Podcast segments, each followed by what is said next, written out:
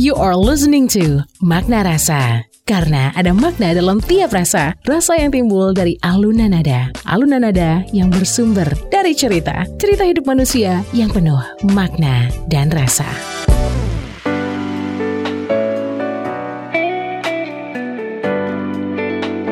Dari Bumi Karangputih Darung Padang 103.4 Kelas FM This is the actual radio. Assalamualaikum warahmatullahi wabarakatuh. Good morning Classy people. Di hari Jumat ini saya Anda Hayani Kembali lagi dalam program Makna Rasa. Dan of course I'm not alone. Saya bareng sama my partner in crime The one and only Pak Amri Satyawan Assalamualaikum Pak. Waalaikumsalam warahmatullahi wabarakatuh It Anda. is so good to be back ya. Aha. Uh, Dan saya makin gak sabar nih di Makna Rasa kali ini Karena kita akan ngebahas tentang sebuah band yang legendary banget Yang Hmm. unik, yang kreatif Dan yang bring new colors Kalau saya boleh bilang kayak gitu Hmm. ya Karena colorsnya banyak banget dalam satu uh, lagu Kadang-kadang ya Iya. dibikinnya ya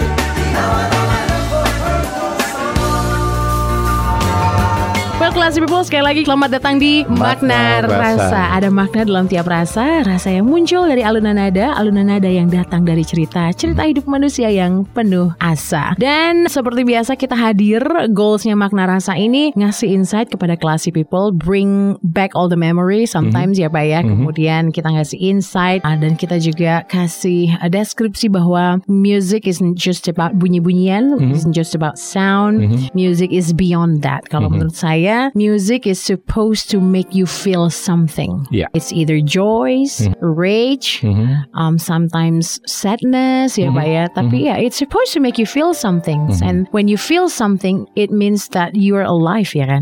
Kalau kita nggak ngerasain lempeng udah mati gitu ya, maksudnya eh, uh, rasanya tuh udah mati nggak ngerasain apa-apa tuh nggak alive dong ya. kan? Yeah. And then music helped you go through that. And this is a very special edition, Pak.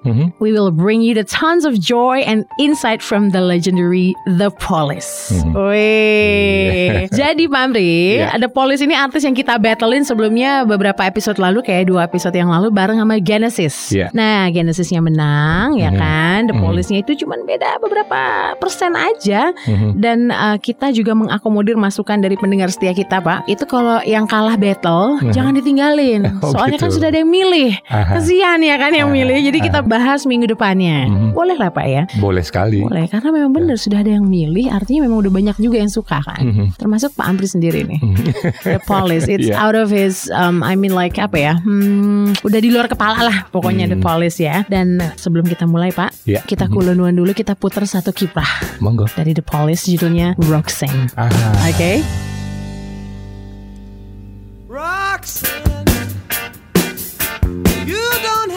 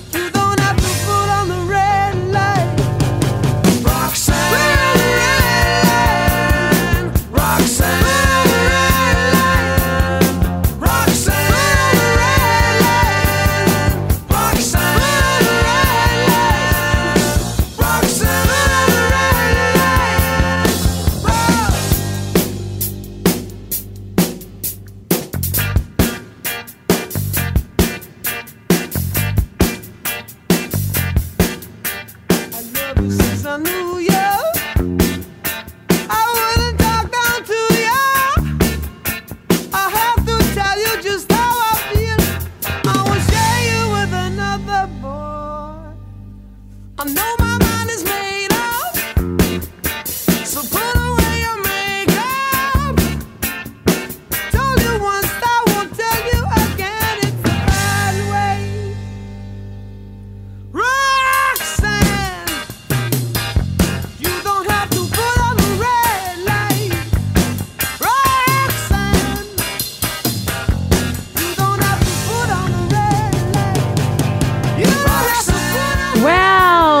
Classy people, one of the legendary new wave slash rock band slash reggae slash funk slash jazz slash punk juga, The Police gitu ya. Yang baru kita dengar Roxanne pak. Betul. Ini cukup banget buat warming up nih ya. Lebih dari cukup. Lebih dari cukup buat warming up ya. Kayaknya nggak bisa nggak goyang kita kalau nggak denger lagu. Kalau diem denger Roxanne tuh kayaknya, eh, excuse me, lu pingsan apa masih sadar ini gitu ya kayaknya. So what do you think pak? Kita pemanasan dulu deh. Ya. Pemanasan dulu Roxanne, The Police, what do Ya. you have in mind? The Police adalah the grup band yang super unik menurut saya. Oke. Mereka hanya dari eh, terdiri dari tiga personil yang kalau kita lihat mereka tuh semua leader. Kenapa? Karena mereka berasal dari berbagai genre latar belakang dan mereka memang jago di genrenya. Coba kita bayangkan ya, misalnya tadi kita dengar lagu di Roxanne ya. Seorang Andy Summers yang masuk tadi di gitar ya. Dia menggunakan pola gitar dengan corak warna genre reggae tapi dengan kunci yang floating yang berjalan yang biasanya dimainkan oleh para musisi jazz. Berbeda dengan grup reggae lainnya yang grup kunci chord gitarnya itu tetap. Tapi kalau yang di Police mereka jalan pindah-pindah kuncinya itu dari B minor tadi kemudian lari ke E minor kemudian tiba-tiba lari ke C saya dengar tadi itu. Itu seorang Andy Summers. Kemudian seorang Stewart ya yang pemain drumnya. Dia adalah sedikit orang mungkin ya atau mungkin satu-satunya drummer yang tidak ngikutin aturan sebagai drummer. Oke. Pertama, dia sudah beberapa kali mengoyak snare drum gara-gara nyetel kekencangan snare-nya itu jauh di standar pabriknya gitu. Oke. Kenapa? Karena dia ingin bunyi drumnya itu melengking, tidak seperti bunyi drum kebanyakan. Yang seperti kita dengar di Roxanne tadi, Aha. suara drumnya begitu melengking dan agak dominan bunyinya tadi. Aha. Dan yang terpenting lagi, ketika ada lagu Roxanne tadi, Andy sudah mengawal dengan strumming atau kocokan gitarnya dengan eh, gaya reggae. Namun si Stewart dia konsisten dia bermain dengan rocknya dia, style drumnya dia tadi itu. Dan kemudian si Sting, si Sting memain bass tadi. Aha. Kita lihat biasanya di aturan main band itu kalau yang di atas itu namanya snare, kalau yang di bawah tuh yang suka diinjek tuh namanya bass Mhm. drum namanya. Biasanya petikan bass di gitar itu sama persis ketika kaki menginjak pedal bass drum itu. Hmm. Kita dengar tadi lebih dahulu Stewart memukul bass drumnya daripada petikan bassnya si Sting. Sting. Sting selalu terlambat satu ketukan. Keluar aturan semua. Namun apa yang kita lihat secara komposisi musik, lagu ini keren gitu loh. Banget ya. Si Nah. Roxanne ini ikonik banget jadinya kan. Sangat ikonik dengan minimal tadi itu ada sekitar lima genre saya lihat di lagu ini di Roxanne ini ya. Mhm. Ada unsur jazz, blues, kemudian rock, kemudian udah pasti Reggae, ya. Ah, Ada sedikit punk di sini, ada funknya di Aha. sini. Tetapi masuk tuh dengan tiga genre yang berbeda oleh antara genre yang berbeda Aha. si Sting dengan bassnya yang kita sebut nanti strip down thing namanya ya. Kemudian dia gaya bassnya ada bass melodius lah namanya gitu ya. Tapi ketika masuk keren-keren aja gitu kira-kira. Nah ini yang saya lihat dari tiga ini. Bertiga ini skillful musician ya. Mereka Sangat, skillful sangat dan skillful. saat kita ngobrol tadi ketiga-tiganya itu leader ya. Leader. Makanya Sting leader di areanya, si Stewart Copeland leader juga di drummer di drumnya. Aha. Andy Summer leader juga dan ujung-ujungnya karena ada tiga matahari dalam satu grup band akhirnya nggak lama umurnya biasanya Nggak gitu ya.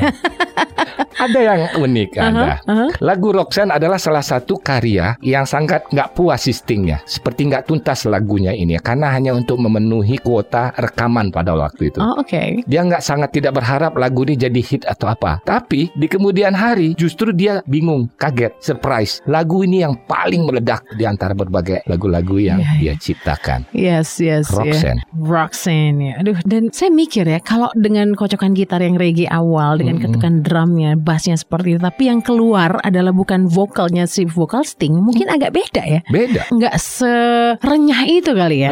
Iya kan Mbak, kebayang Iya. nggak sih? Dan lagu ini emang seperti manifestasi dari mereka complementing each other and completing each other kayaknya. Betul. Right? Ya. Si The Police ini kayaknya. Jadi kalau kita amatin dari lagu Roxanne ini, hampir tidak ada ruang kosong antara satu bunyi dengan bunyi yang lain. Kalau kita berbicara timbre, Iya, iya, iya. timbre musik ketika drumnya masuk, kemudian masuk bass, kemudian masuk suara, masuk kocokan gitar, penuh dia saut menyahut di Ya situ. sahut menyahut iya benar. Ah, so, what is it about the Police anyway, Pak Ampri? Uh, Pak Ampri bilang di minggu lalu, "Ah, next week kita ngomongin the Police. Ah, kalau the Police mah nggak kayak Yura ini tak kemarin. Saya nggak mesti banyak tepean karena semua dua luar kepala. So what is it about the Police ya? Karena the Police ini kan late 70s ya, 77 dia terbentuk, kemudian 86 mereka bubar. Ya 10 tahunan gak nyampe gitu dan tahun-tahun itu Bapak lagi SMA katanya. ya nggak sih? Nah, so what is it about the Police? Pak cerita dong, Pak. Grup The Police ini pertama adalah salah satu grup yang favorit saya secara pribadi ya dan kemudian yang saya tahu pada waktu itu adalah grup The Police ini adalah grup yang muncul baik ketika pembentukan grup bandnya sendiri sampai dengan karya-karyanya yang berawal dari ketidaksengajaan. Oke, menarik nih. Mulai dari ketika Stewart Copeland kan grup band berasal dari Inggris ya. Mhm. Promotor awalnya adalah si Stewart Copeland dengan uh, grup band sebelum The Curved Air. Ah, Curve Air Hmm, itu rock banget ya, progresif rock sangat ya. progresif rock sekali. Kemudian dia menjadi band pengiring di salah satu pertunjukan gong band namanya dulu itu yang di Indonesia nanti diikuti oleh Ahmad Albar dengan Gong 2000 karena mereka mengikuti gong band ini. Mereka hanya sebagai pengiring. Nah, pada saat itu ada beberapa pemain yang kebetulan tertarik oleh si manajer gong ini. Ayo kita bikin eh, rekaman. Nah, kemudian di situ yang dipanggil waktu itu adalah si Henry Padovani. Jadi atas inisiatif kakaknya si Stewart Copeland, Mhm. nah, kakaknya namanya Mike Copeland namanya, juga seorang musisi. Udah bikin aja grup band dengan eh, Henry Padovani namanya. Mhm. Henry sebenarnya nggak begitu menguasai permainan gitar, tapi oke lah gitu ya. Untuk karena dia lihat permainan antara Stewart sudah cukup bagus gitu. Namun setelah beberapa saat tetap akhirnya mereka menemukan bahwa Padovani memang nggak pas di gitar itu dan kemudian Padovani mundur, masuklah Henry Summer. Hmm. Nah di situlah mulai mereka itu kayaknya cocok nih. Walaupun mereka dengan ego yang sangat tinggi, mereka tiada hari tanpa bertengkar gitu ya. Nah yang lucu setiap mereka membuat karya lagu-lagu, kebanyakan karya lagu-lagunya adalah untuk kejar setoran, kejar tayang. Ini ada rekaman nih, ayo cepet. Dan mereka setelah rekaman, mereka tidak pernah happy dengan lagu-lagu yang mereka sajikan Ah, Oke. dari rekaman pertama. Namun apa yang terjadi? Lagu-lagu itu meledak seperti yang Roxanne, Roxanne ini. tadi. Gitu kira-kira. Ya. Oke, baik. Dan ada Police ini juga lucu sih ya. Jadi di tahun-tahun 77, 7 dan 77 di London itu kan antara polisi sama anak-anak punk di sana suka kejar-kejaran kan. Aha. Mereka suka bikin graffiti atau apalah-apalah Iya. gitu ya namanya anak punk di sana. Jadi tiap hari tuh ada aja polisi kejar-kejaran sama anak punk. So mereka mikir ya udah kita namain band kita tuh The Police aja. Betul. Sehingga setiap hari ada kabar police The Police is running ngejar si punk. Itu kan jadi free marketing buat kita katanya. Makanya namanya The Police ya, Pak ya. Nah, termasuk lirik-liriknya. Termasuk lirik-liriknya. Lirik-liriknya banyak kritik sosial di awal-awal. di awal-awal mereka muncul.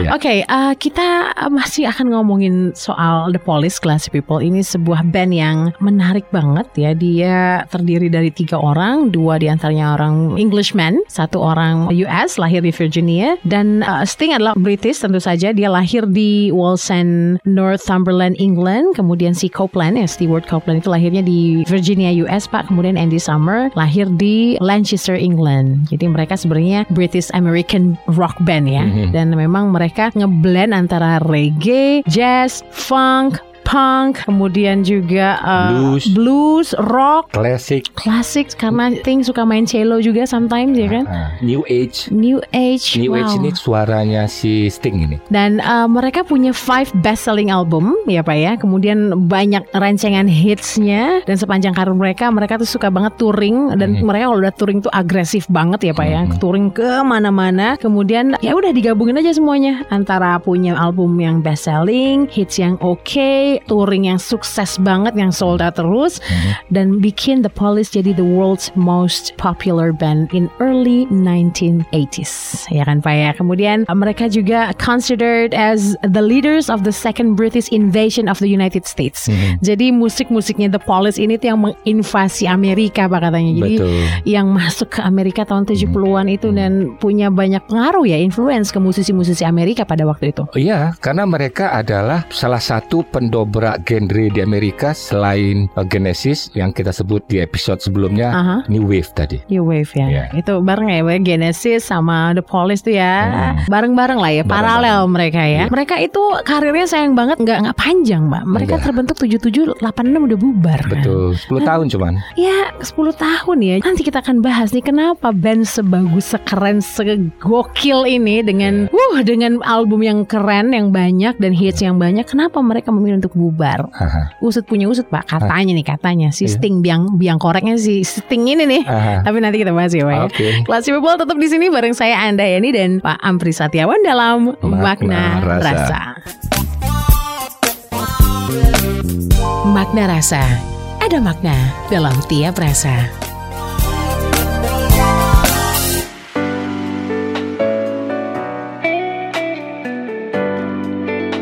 One other point for Classy FM. This is the actual radio. Classy people, welcome back on Makna, Makna Rasa. Rasa. Masih bareng kita berdua ya. Ada saya Anda Yani dan Pak Ampri Satiawan and we are still talking about The Police. Hmm. Band asalnya dari Inggris dibentuk tahun 77, punya 5 album, kemudian 3 album live dan Hmm. kemudian ada 6 album kompilasi yang greatest hitsnya dan mereka berumur tidak panjang ya Pak Hmm. ya. Dan eh, ngomongin soal umur mereka yang tidak panjang bukan berarti mereka tidak menghasilkan karya-karya yang gemilang di waktu yang tidak panjang itu karya-karya mereka gokil banget salah satunya lagu yang ini nih kita dengerin ya Pak ya. Oke. This is one of the most um, apa ya success song they've Aha. ever created. Aha. Judulnya Every Breath Ah. You Take. Iya. There you go.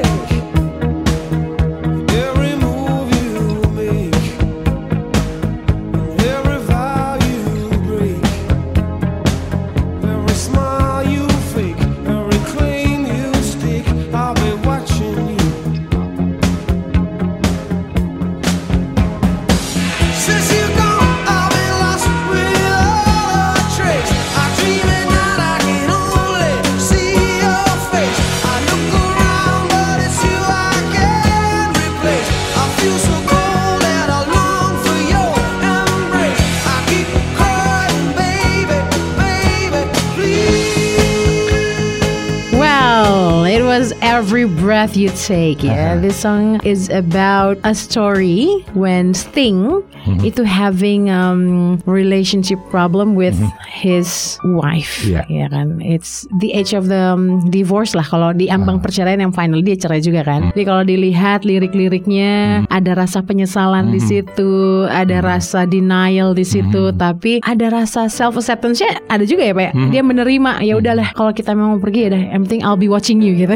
so what do you think about this song? We're talking about harmony, we're talking about the Yeah. lyric, the genre, the vocal, the music, everything. Silakan Pak. Lagu Every Breath You Take ini adalah lagu yang bergenre new wave dengan enam genre Mhm. di sini. Ada reggae-nya sedikit, jazz-nya juga ada yang kedengaran dari bass dan kemudian ada rock-nya juga. Lagu ini bertempo moderato andante di sekitar 120 BPM Hmm. seperti tapi agak cepat di sini moderato andante-nya dan lagu ini memang dibawakan atau dikemas dikomposisi dengan sangat jenius oleh mereka ya ini tercermin dari bagaimana dimainkan timbre musik dimainkan sesuai dengan lirik yang disajikan seperti yang anda sebutkan tadi lirik ini adalah bercerita apa yang dialami oleh seorang Sting dalam rumah tangganya nah yang kita bisa dengar di sini adalah di periode sebelumnya waktu kita berbicara uh, cara memetik gitar Ya. picking waktu itu, saya mengatakan bahwa ada satu grup musik yang sangat fenomenal yang kemudian ditiru oleh grup lainnya yang cara petik gitarnya disebut sebagai palm muting. Palm, oke. Palm muting itu adalah dia memetik gitar tapi suaranya kedengaran sama-samar, tidak tajam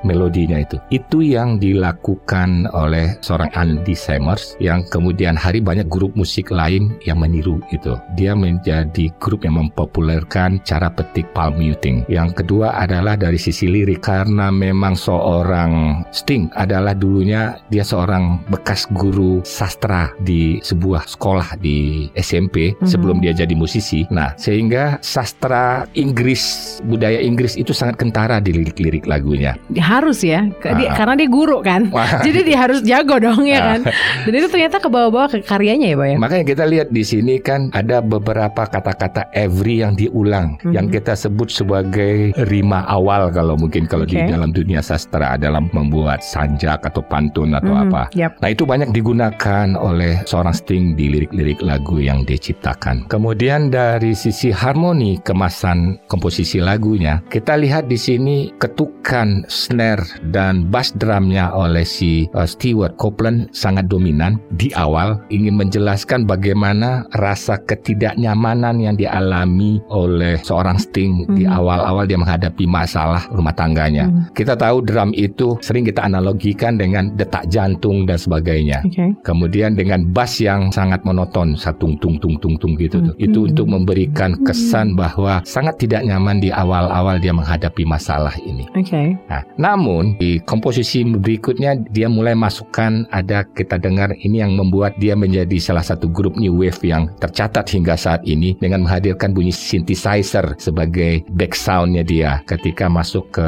pengulangan paragraf kedua di lagu. Di synthesizer itu latar belakang itu mulai dia seperti ada pengulangan dan dia sudah mulai menerima di situ. Dan puncaknya ketika di referen musiknya seperti cheers pecah gitu. Mhm. Di situ dia menandakan bahwa ya udah ini memang tidak bisa dihindarkan dan saya sudah bisa menerima. Suasana kebatinan komposisi musik di lagu Every Breath You Take ini kalau kita lihat bait per bait dan kita amati warna musiknya dari mulai awal hingga akhir kita mendapatkan sesuatu bahwa lagu ini nih ada sebuah perjalanan yang dialami seorang string atau siapa pun lah dalam yang menghadapi masalah rumah tangga yang pada akhirnya memang the show must go on hidup harus terus berlanjut. Nah ini yang karena banyak pada waktu itu memang kalau di Amerika sana rumah tangga ini memang seperti yang kita sudah sampaikan di episode sebelumnya adalah sebuah lembaga yang kurang begitu sakral kayak kita di timur Iya. kawin cerai itu biasa walaupun ada penyesalan di sana. Nah, pada waktu itu banyak yang menghadapi masalah seperti itu karena memang suasananya di tahun 80-an itu adalah suasana musik yang romantik, puitis, namun juga ada kesan dance di situ. Hmm. Nah, karena pasar memang banyak pendengar pencinta lagu menyukai warna musik seperti itu, maka lagu ini cepat meledak di pasaran. Nah, mungkin itu secara harmoni yang bisa sampaikan di lagu Every Breath You Take ini Anda. Mhm. Every breath you take. Uh, Yeah. Ini sebenarnya single loh pak, single ya. Dia Yeah. nggak masuk di album dia single, rilisnya tahun 86. And ini tahun 2023 artinya udah 37 tahun ya. Aha. After lagu ini dirilis, ini masih relevan, masih asik aja, masih enak aja buat didengar ya pak ya. Dan uh, mereka ini Aha. kan mereka seperti yang kita bilang tadi di sesi pertama ya pak ya. Mereka kan leader semua nih. Kita tentu saja nggak bisa lihat cuma di Every Breath You Take aja ya, tapi di banyak lagunya ada Mhm. Canary in a Coal Mine, ada Don't Stand Too Close to Me, Iya. ada Dudu Dada, Iya. ada Roxanne, ada Message in the Bottles yang nanti akan kita putar. Gimana Bapak melihat ke leadershipan mereka di masing-masing, kemudian kaitannya sama keegoisan mereka yang kemudian usut punya usut si Sting adalah jadi biang koreknya ke bubaran mereka. Dan satu lagi nih orang yang kreatif, seniman lah biasanya. Seniman itu kan jiwa rebelnya tinggi, jiwa seninya tinggi, kreatifnya tinggi, tapi egonya juga tinggi kan. So banyak nih pertanyaan saya. Silakan bapak tanggapin pak statement-statement tadi silakan. Ya, mungkin dari yang terakhir dulu ya, bahwa memang pada umumnya orang-orang yang kreatif itu memiliki ego yang di atas rata-rata. Ini dulu. Karena orang-orang yang kreatif itu dia memiliki imajinasi yang berbeda dengan orang-orang yang biasa saja. Itu yang pertama. Di grup The Police ini, seperti yang kita sudah sampaikan tadi, ketiga pemain ini antara Sting dengan reggae dan klasiknya, kemudian Stewart Copeland dengan ketukan drumnya yang dia lebih cenderung ke arah rock dan progressive rock. Dan kemudian si Andy Summers yang lebih banyak dia menyukai ke jazz dan blues dengan floating arpeggio namanya kunci-kunci yang dia mainkan yang suka bergerak ke mana-mana gitu membuat mereka setiap setelah menghasilkan karya tertentu saling tidak nyaman dengan karya yang mereka hasilkan walaupun kita sebagai pendengar Itu keren banget ya. Mendengar menurut kan kita. keren banget. Ah, ah, ah. Nah, inilah yang menunjukkan bahwa mereka itu adalah orang-orang yang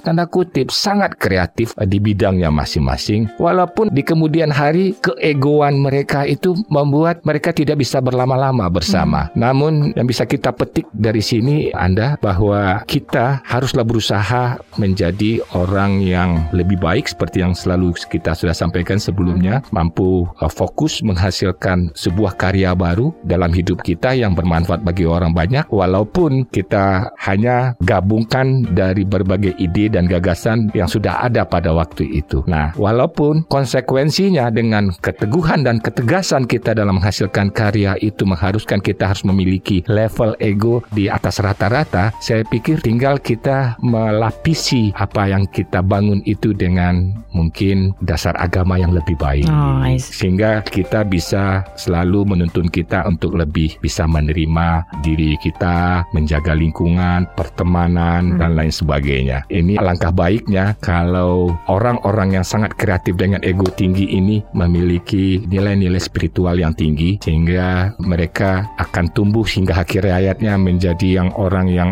sempurna mungkin kalau dalam ukuran kehidupan. Mungkin seperti itu Anda. Oke, I see. Pak, 77 dibentuk, 86 bubar. Di era itu musik mereka kan jadi warna tersendiri ya. Yaitu tadi kita udah sebut Hmm. dari awal ada reggae-nya, ada jazznya, ada blues, ada whatever itu ya. Banyak di sana. Efeknya pada waktu itu, Bapak Hmm. ingat gak ke musisi lain eh, di negara lain termasuk Indonesia itu kayak apa Pak? Musisi Indonesia barangkali ada yang terinspired kalaupun gak jiplek ya, Hmm. terinspirasi dan gimana pada waktu itu pengaruh si The Police ini ke kita, ke penikmat musik di Indonesia? Oh jadi gini, The Police ini kan dia karena saya waktu itu banyak mengamatinya di tahun 80-an, Mhm. memang sangat-sangat menghipnotis para musisi di Indonesia pada waktu itu dengan gaya musiknya yang tampil sedikit berbeda ya dengan new wave-nya sehingga pertama hingga sekarang musisi-musisi reggae di Indonesia banyak menggunakan pendekatan Andy Stewart dalam memainkan chord-chord gitar yang berjalan misalnya. Oke. Kemudian saya ingat itu di tahun 82 atau 83 saya lupa tahunnya ada lagu Vina Pandiwinata waktu itu Oke. yang Vina Panduwinata Surat Cintaku yang pertama. ah Itu rilis tahun 87, Pak. Ah, 87 ya, saya 87. lupa itu. Ah. Nah, itu lagunya salah satu musik atau komposisi musiknya seolah-olah nyadur atau mengikuti lagu The Police. Everything she does is magic.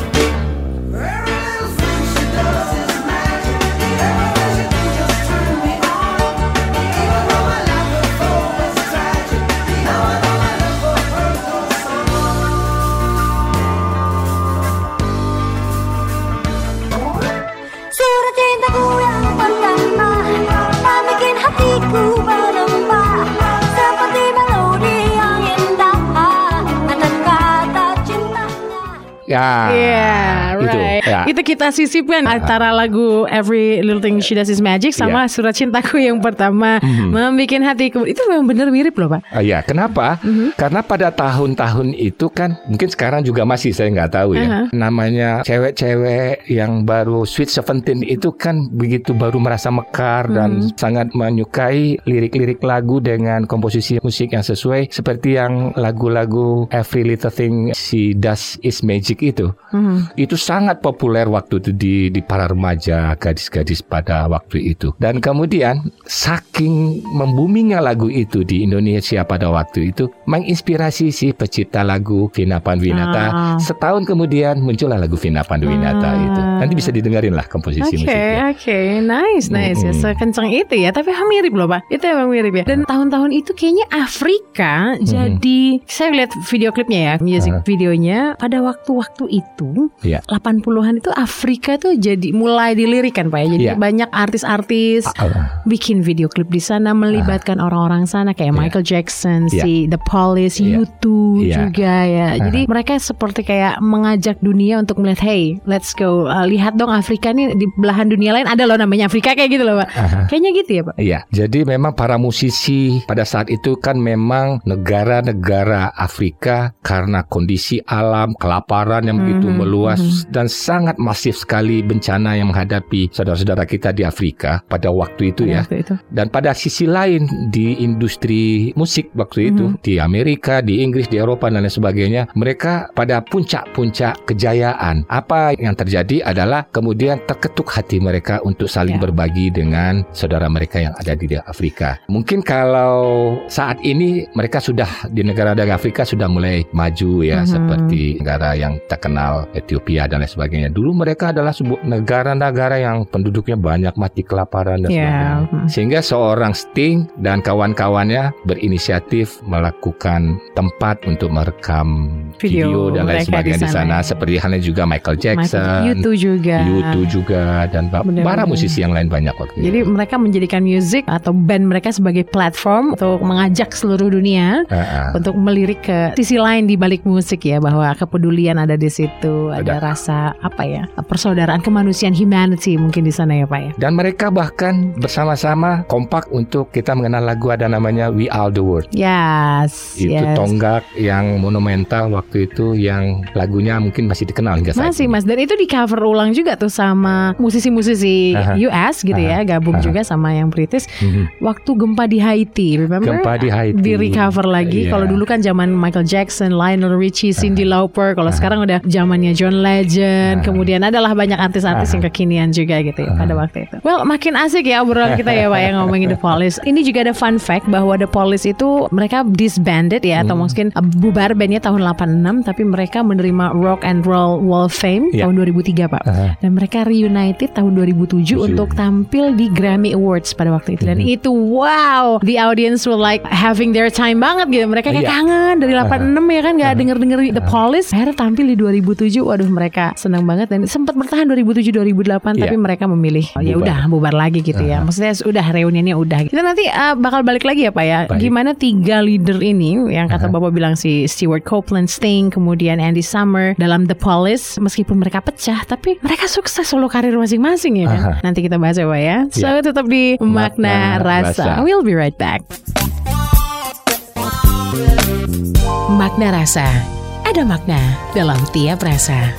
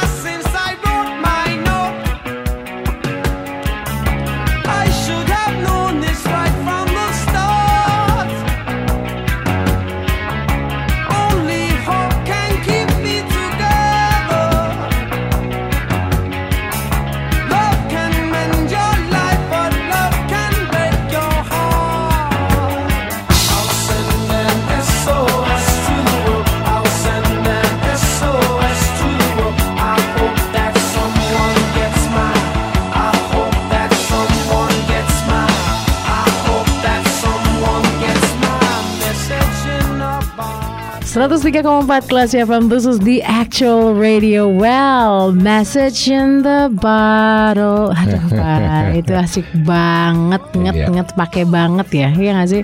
Betul. Bassnya. Nah ini yang bass yang nanti menjadi cikal bakal dia bikin tonggak sendiri yang di- akan diikuti oleh grup-grup yang beraliran ska di tanah air khususnya yang kita sebut sebagai bass melodius ya Oke atau strip down sting namanya. Ini yang bassnya begitu bergerak ke mana-mana, kemudian dengan gitarnya yang tadi kita bisa dengar, stylenya namanya itu namanya floating arpeggio. Dia seperti terputus-putus, tapi dia nyambung. Mhm. Nah, itu bisa disajikan oleh Andy Summers. Dan kalau kita lihat dari drumnya juga, kita lihat drumnya begitu cair gitu ya Ya begitu apa sih namanya riuh gitu dan sangat dominan sehingga dari penggalan-penggalan itu bisa kita rasakan ada hentakan, Ya ada denyut yang kita rasakan dari Yep. lirik-lirik yang disajikan. Anda. Kayak lagi berlari kenceng Tapi tiba-tiba berhenti Betul. Jalan pelan Iya. Lari lagi Lari ya kan lagi, Kayak iya, gitu lah betul. Kayak dynamic Very dynamic ya Pak ya Saya lupa ini pernah lagu ini menjadi soundtrack kegiatan olahraga atletik di Amerika waktu itu. Kejuaraan dunia atletik di tahun berapa waktu itu? Oke Pak, Em, kita kembali lagi ya Pak ya ngomongin tentang mereka bertiga ini yang memang karirnya nggak panjang, tapi saat mereka bubar tahun 86 Mhm. sukses-sukses semua bertiga ini gitu loh. Ya. Sistingnya solo karir, solois nyanyi oke, tapi dia main film oke karena memang ganteng juga kan. Jadi mukanya tuh penuh karakter, tulang pipinya tinggi, tirus dan sebagainya. Uh, Stewart Copeland juga sukses, kemudian juga dengan Andy Summer. What do you think about this Pak? Seperti yang saya sudah jelaskan sebelumnya, mereka adalah seorang inovator, baik si Sting, Stewart maupun seorang Andy Summers. Mereka inovator di bidang mereka sendiri-sendiri. Makanya ketika Sting bersolo karir, albumnya ketika bersolo karir juga meledak. Begitu juga dengan seorang Stewart Copeland dengan grup-grup berikutnya juga meledak. Dan yang paling menjadi catatan di kita, seorang Stewart Copeland pernah menghadirkan sebuah konser di Amerika sana Mhm. dengan grup orkestra terkenal Philharmonic yang kita sebut sebagai di gamelan. Bisa kita telusuri nanti di Aha. Google ya. Jadi si Stewart Stewart Copeland, Copeland ya, bikin pertunjukan, musik pertunjukan ya konser judulnya The Gamelan The gamelan pakai orkestra pakai orkestra. tapi emphasizing ke bunyi-bunyian gamelan Bunyi-bunyian which is itu gamelan. gamelan asli Indonesia Jawa itu Iya, itu sangat fenomenal Wow. pada saat itu tidak hanya bagi orang-orang yang dari negara yang berasal dari gamelan, Aha. tetapi menghipnotis para kritikus musik ha. yang ada di Amerika dan di benua Eropa yang memberikan aplaus yang luar biasa setelah pertunjukan Stewart Copeland dengan gamelannya itu. Oke Itu seorang jeniusnya Stewart di Copeland. Hmm. Begitu juga dengan seorang Andy Summers yang setiap langkah musiknya berikutnya juga terkenal dan mewarnai para musisi reggae dan ska yang ada di seluruh dunia setelah itu. Ah, I see, I see. Kemudian Sting juga jadi aktor ya Pak ya. Ah, dan Sting sukses. ini dan sukses ya. Mhm. Jadi namanya Garden Matthew Thomas Sumner CBE Iya. atau known as Sting ya. Iya. Dia dia banyak main filmnya. Film-filmnya Sting itu The Emperor's New Groove, Mhm. kemudian Dune, Zoolander, Mhm. Lock, Stock and Two. Jadi film-filmnya dia juga film-film yang ya yang lumayan gitu, bukan bukan film yang ecek-ecek juga gitu. Mhm. Itu Sting. Nah kalau si Andy Summer ini nama besarnya juga eh, ini ya sebagai gitaris ya pak ya Aha. nama besar dia disegani banget kan. Mhm. Meskipun dia udah nggak bareng sama The Police lagi kan. Iya. Mhm. Ya itu yang saya seperti saya sampaikan tadi bahwa pola, kemudian teknik, kemudian warna gitar yang dia sajikan oleh seorang Andy Summers kemudian mengilhami musisi-musisi reggae dan ska di belahan dunia mana pun hingga saat ini dengan cara petikan gitarnya yang floating arpeggio tadi yang tadinya reggae lebih banyak ala riff pengulangan-pengulangan kocokan strumming kemudian mengikuti cara seorang Andy Summers dalam memainkan gitar hingga saat ini. Balik lagi ke Sting pak sebagai soloist juga lagunya asik-asik banget yang Oh, iya. Englishman in New York ya kan Aha. itu juga Ah. asik banget dan Rose in the Desert ya, itu di tahun awal-awal uh, Hmm. 2000 pas banget di tahun 2000 Rose in the Desert. Sting ini emang kalau dibilang dia paling ego di The Police Mhm. menurut bapak wajar nggak sih pak? Karena dia yang pertama emang otaknya bukan ya mereka sama-sama Iya, leader, iya. cuman ke kreativitas lirik ya Iya. penulisan lirik kemudian harmony dan Mhm. otaknya mau dibawa ke mana band ini Mhm. branding segala macam kan emang di Sting kan pak. Iya. Jadi wajar gak sih emang menurut bapak dia paling ego atau selfish dibalik sebagai biang koreknya pembubarnya si The Police ini? Oh, sangat wajar Ya, karena oke. kan Sting menawarkan lirik-lirik yang seperti kita dengar saat Mhm, ini mhm. ya, yang sangat bisa diterima oleh pasar Iya. dan bisa saya katakan lirik-liriknya long lasting karena sampai kapan pun akan banyak orang-orang yang merasa lirik yang disajikan tuh dia banget gitu. Mhm, mhm. Nah, seperti itu. Dan kemudian bagaimana Sting men-trigger kawan-kawannya yang di drum dan gitar untuk bisa mengikuti aura lirik yang dia sajikan. Oke. Nah, ini yang membuat kadang-kadang pertengkaran di antara mereka. Hmm. Sting maunya misalnya di awal itu sudahlah seperti drum saja. Kemudian si Andy Summers mengatakan kalau tidak ada petikan dia akan kosong di sana Mhm. gitu dan seterusnya. Sehingga setiap pertengkaran yang terjadi itu dalam menghasilkan sebuah Mhm, karya dan mhm. memang karya-karya mereka menjadi fenomenal Mhm. dari pertengkaran-pertengkaran adu ego di antara mereka dan terutama Sting yang memulai selalu itu Iya. karena Sting yang menawarkan lirik yang akan di, mereka bawakan di lagu-lagu mereka. Mhm. Iya, iya. Tentu penyusunan komposisi musik tidak sesederhana yang kita bayangkan. Ah, ya dapur rekaman itu menghasilkan sebuah lagu itu emang nggak semudah yang kita yang hanya tinggal menikmati jadinya aja kan ya ada Ah. banyak pertumpahan air mata dan darah di belakang situ dalam tanda kutip gitu Ya, seperti lagu The Message in the Bottle ini Aha, ya. aha. Sehingga akhirnya Sting terpaksa memberikan ada suasana background synthesizer di beberapa bagian Mhm. karena memang pada saat itu lebih cocok ada aroma orkestranya, warna Hmm. orkestra yang disajikan yang kurang bisa terpenuhi oleh gitarnya si Andy Summers. Sementara Andy Summers mengatakan itu cukup. Nah, akhirnya memang waktu menggodok atau menghasilkan lagu The Message in the Battle ini, mereka pun pada saat itu ada terjadi pertengkaran yang bisa kita baca nanti di Google Ah, itu. emang emang kayak gitu deh Luar tiga biasa. seniman yang sama-sama jago ya Iya, kan iya. ditemuin ya emang kayak gitu ya itu Iya. resiko yang harus Itu dihadapi resiko kalau dihadapi. ketemu tiga matahari ini anyway pak pertanyaan saya ini adalah sesi ketiga ya di makna rasa Mhm. seperti biasa tadi sudah sempat dibahas juga sih sama bapak tentang bagaimana selfishness and everything gitu ya. But I want to ask selfishness atau Ah. keegoisan pak. Ah. kan sometimes dalam hidup kita perlu egois kan pak? Nggak Oh, mungkin iya. hidup kita untuk orang aja gitu kan. Ah. we have to think about ourselves ya kan sometimes gitu ya. Most of the times gitu. Tapi bukan berarti kepentingan orang tuh nggak penting gitu enggak tapi pertanyaan saya gini kapan kita harus selfish?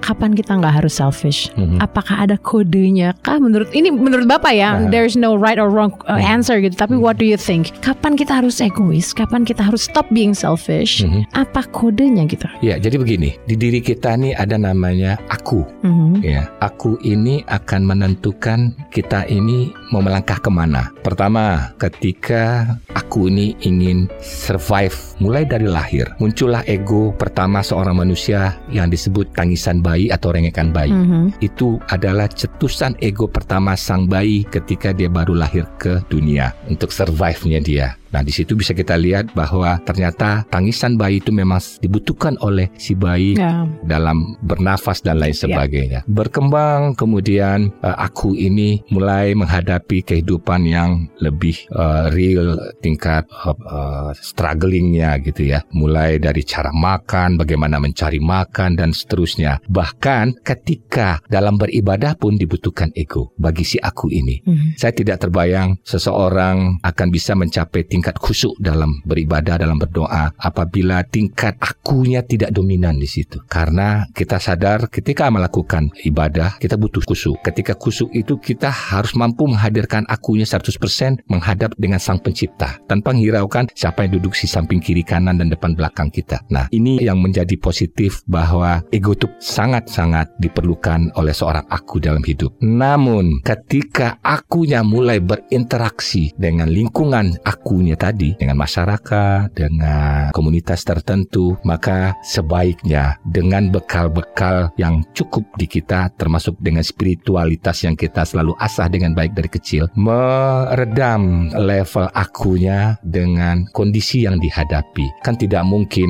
ketika kita masuk ke dunia kerja Mhm. dengan berbagai ragam tipikal orang yang dihadapi, kita berusaha mendominasi. Dan justru kalau kita berusaha mendominasi, juga setiap saat juga akan membuat kita terbatas di mata masyarakat ketika berbaur. Nah, ini tidak produktif bagi kita. Hmm. Jadi level aku ini harus bisa kita hadirkan eh, tinggi ketika kita memang butuh diri kita untuk survive yang seperti saya sudah sampaikan, namun harus kita turunkan ketika kita mulai berinteraksi dengan eh, masyarakat yang lain. Ini yang saya rasakan juga di kehidupan saya dari dahulu bagaimana seperti yang saya ceritakan kondisi real, the real thing of life bahwa saya harus realistis menghadapi hidup, harus bekerja, harus berinteraksi dengan orang lain dan kemudian di situ musisinya menjadi sedikit redam gitu ya. Namun itu bukan berarti kita hilang sama sekali dari yang kita miliki itu. Oke. Dan ini tentu di waktu-waktu kita menghadirkan karya-karya terbaik, nah aku ini akan muncul. Walaupun itu tidak dominan, muncul setiap saat, tapi aku ini akan memberikan peran, menjadikan kita menjadi seorang inovator atau menjadi orang yang lebih kreatif dan membuat hidup kita ini lebih berwarna dan ber- bermanfaat untuk orang lain. Aku sangat berperan di situ. Saya pikir seperti itu Anda. Mungkin secara langsung atau nggak langsung Sting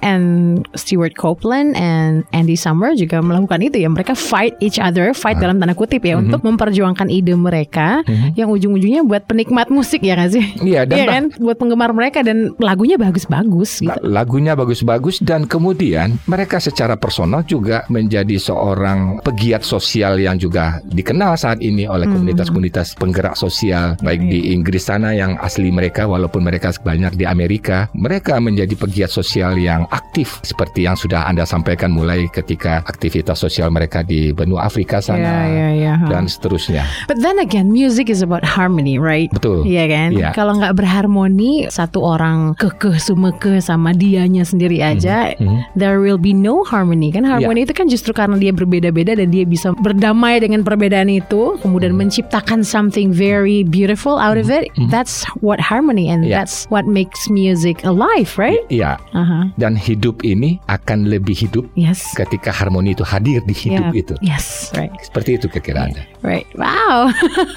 Oke, ini adalah sesi ketiga. Nanti kita akan balik lagi dan kita akan mengumumkan selanjutnya kita akan ngomongin apa ya Pak ya. Kita Baik. ngomongin artis siapa. Saya pengen ngajak Pak Ampri ke era awal 90-an nih. Band juga masih Pak dan Aha. saya yakin ini generasi Gen X Gen X ya yang Hmm. masih dengerin kita atau millennials yang awal-awal Hmm. millennials yang lahir tahun 80-an ini bakal setuju banget dan bakal suka banget karena ada dua nama band yang hmm, cocok banget disandingkan berdua di battlein tapi nanti Pak sabar kita akan balik lagi di makna, rasa.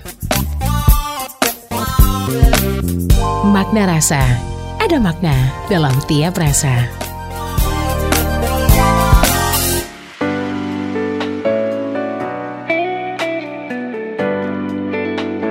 103.4 Classy FM, this is the actual radio. Welcome back on Makna, Makna Rasa. Dan we're still talking about the police. This is the last session of Makna Rasa. Pak, untuk menutup kebersamaan kita The Police, what is it that you want to say tentang The Police? Terakhir nih, sebelum kita mengumumkan untuk next week. The Police adalah sebuah grup band yang meninggalkan jejak bagi orang banyak termasuk saya sendiri untuk selalu bisa menjadi sosok yang kreatif dan inovatif di sepanjang hidup karena The Police memberikan inspirasi sangat banyak tidak hanya di lirik juga di komposisi musik dan juga di aktivitas mereka di luar musik. Di samping kesuksesan-kesuksesan yang sudah berhasil mereka raih sepanjang mereka berkarya hingga saat ini begitu juga dengan hubungan relationship yang selalu mereka jaga dengan baik di luar kebersamaan yang penuh dengan catatan ketika mereka masih bersatu dalam sebuah grup band. Ini menjadi catatan bagi saya bahwa selalulah berusaha menjadi orang baik dengan berkreasi dan berbuat banyak untuk orang banyak hingga akhir hayat. Mungkin itu yang bisa saya tangkap apa yang diwariskan atau yang disampaikan oleh sebuah grup band The Police buat kita hingga saat ini. I see. The Police ya Pak ya. Ya. Kalau saya lihat The Police ini memang bisa dibilang one of the best. Ya, Salah satu yang terbaik di masanya, one of the most legendary juga. Dan dan dia meninggalkan jejak bener Bapak bilang. Iya. Dia punya warna sendiri yang Iya. tidak ada warna seperti itu sebelumnya dan setelahnya. Mhm. Ya nggak sih Pak? Betul.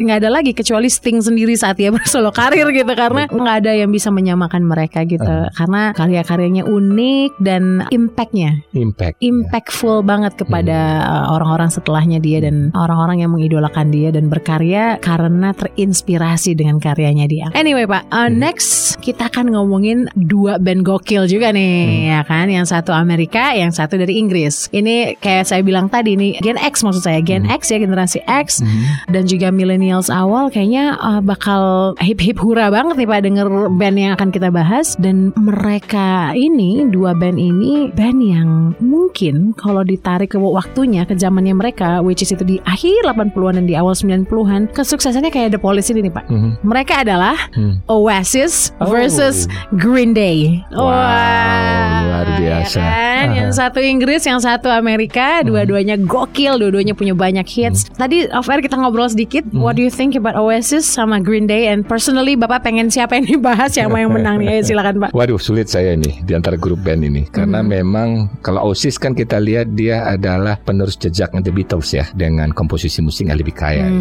dan kalau Green Day ini ah, dia mix nih ada dia gunakan komposisi ritme musiknya yang berasal dari The Police ada dia gunakan jejak-jejaknya Beatles juga ada di sana kemudian Genesis juga ada sehingga memang agak cukup sulit saya memilih di antara kedua grup band ini nih namun kalau memang harus memilih ya Mhm. Ya mungkin kalau dari totalitas keseluruhan lirik maupun dari komposisi musik mungkin saya lebih ke Green Day. Wah sama kita pak Oasis itu keren ya banget Iya. lah ya Keren banget Tapi Green Day adalah yang dari 87 berdiri sampai sekarang Aha. Itu masih aktif Masih ngeband dan stamina-nya masih oke Dan Iya. that's what make me fall in love with Green Day. Mungkin akan banyak oh, Enak aja Oasis lebih keren ya. Tapi ya silahkan ikut aja votingnya ya pak ya Di Instagram kita. Dan eh, insya Allah kita akan bahas segera. Kita Oke. akan pilih lagunya Kita akan bahas satu lagu Dan kita akan pilih temanya. Yang jelas dua band ini nih Yang akan kita battlein. Pak Ampri thank you so much for coming in. Sama-sama Anda. Makna Rasa It's always been a pleasure